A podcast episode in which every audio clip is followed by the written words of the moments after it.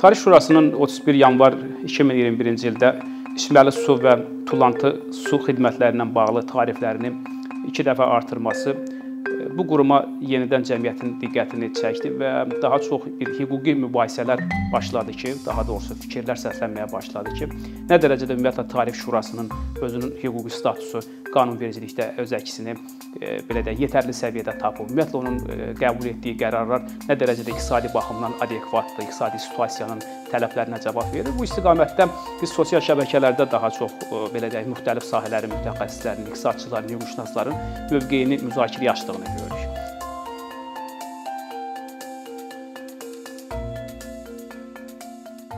Gerçəkdən də e, e, yəni müxtəlif ölkələrin biz e, deməli e, təcrübələrinə baxdıqda və Azərbaycanda e, analoji qurumun, Tarif Şurasının e, deməli statusunu araşdırdıqda bu müzakirələrin haqsız olmadığını görürük. Çünki e, tənzimlənən qiymətlər məsələsi çox mürəkkəb məsələdir. Düzdür, tənzimlənən qiymətlər hətta bazar iqtisadiyyatının ən yüksək inkişaf etdiyi ölkələrdə belə, Amerika Birləşmiş Ştatlarından tutmuş ta Şərqi Avropanın belə deyək, son 30 ildə bazar iqtisadiyyatına keçid deməli yönündə addımlar atmağa başlamış ölkələrinə qədər hamısına tənzimlənən qiymətlər var və analoji strukturlar da var. Amma məsələ e, e, yenə deyirəm, burada vacib olan məsələ bu strukturun hüquqi baxımdan statusu məsələsidir.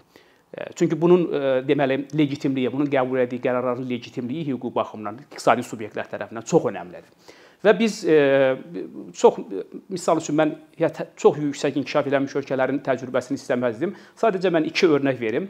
E, bizə yaxın olan, yəni post SSR Sovet məkanından çıxmış iki ölkə, Latviya və Gürcüstanın təcrübəsinə biz baxdıqda gerçəkdən bizim e, deməli Tarif Şurasının statusunda hüquqi baxımdan ciddi şəkildə islahatlara ehtiyac olduğu aydın görünür. Məsəl üçün Gürcüstanda deməli iş deməli su və enerji məsələləri üzrə milli komissiya var. Bu milli komissiya e, nəinki tariflərin e, deməli kommunal sektorda olan tariflərin e, tənzimlənməsi ilə məşğul olur. Bütövlükdə ümumiyyətlə kommunal sektorda münasibətlərin, iqtisadi münasibətlərin tənzimlənməsi, istehlakçılarla deməli operatorlar arasında münasibətlərin, müqavilə münasibətlərinin tənzimlənməsi məsələlərinə qədər bütün məsələləri öz səlahiyyətləri dairəsi, səlahiyyəti dairəsinə daxil edir. Və ən vacibi olan məsələ bundan ibarətdir ki, bu qurum demək olar ki, heç bir icra strukturuna tabe deyil. Tam müstəqil bir qurum kimi fəaliyyət göstərir.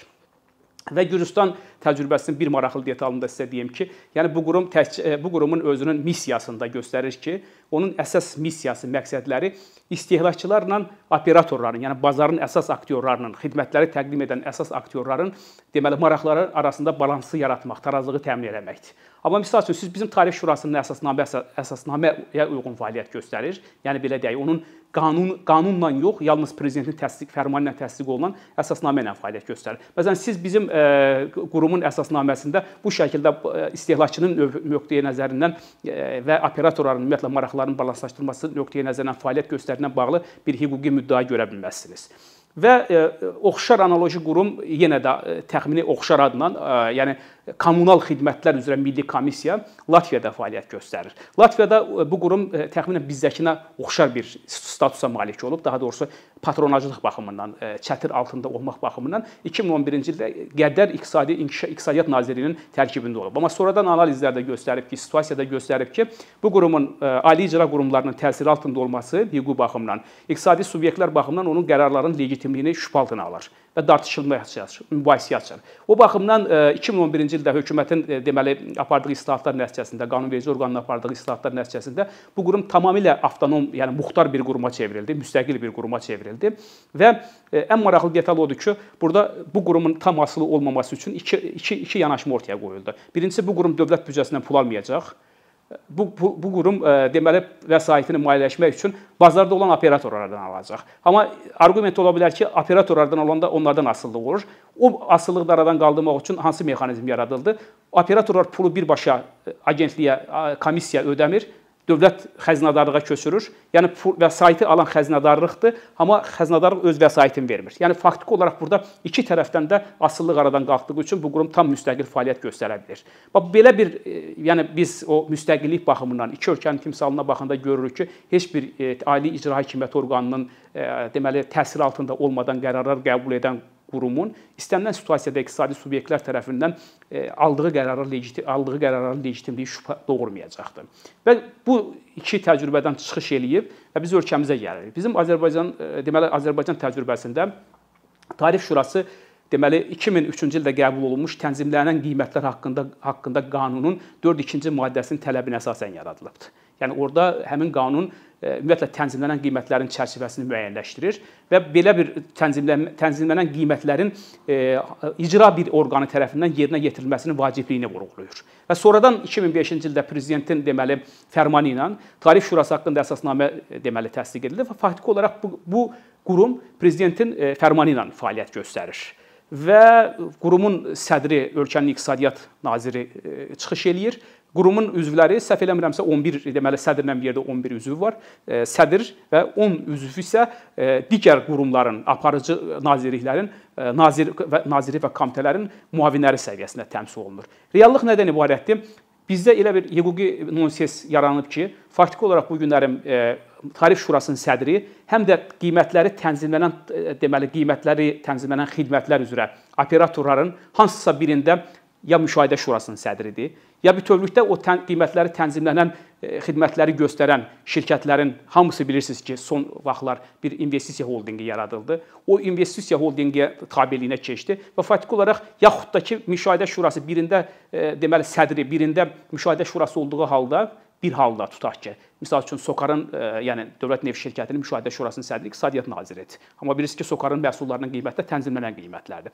Üstəgələk gələk investisiya holdinqi yaradıldı. O investisiya holdinqidə isə Tarif Şurasının sədri müşahidə şurasının üzvüdür. Bax buna maraqlar konflikti deyilir. Bir tərəfdən siz müşahidə şurasının hansısa şirkətin sədri şirkətdə müşahidə şurasının sədri olursunuz. O bir halda siz onun qiymətini tariflə qiymət tariflərinin tənzimlənməsi haqqında qərarlar verirsiniz. Belə bir hüquqi uyğunsuzluq yaranıb və bu onun bayaq da ifadə etdiyim kimi e, bu qurumun qərarlarının legitimliyi ilə bağlı, hüquqi legitimliyi ilə bağlı ciddi problemlər yaradır.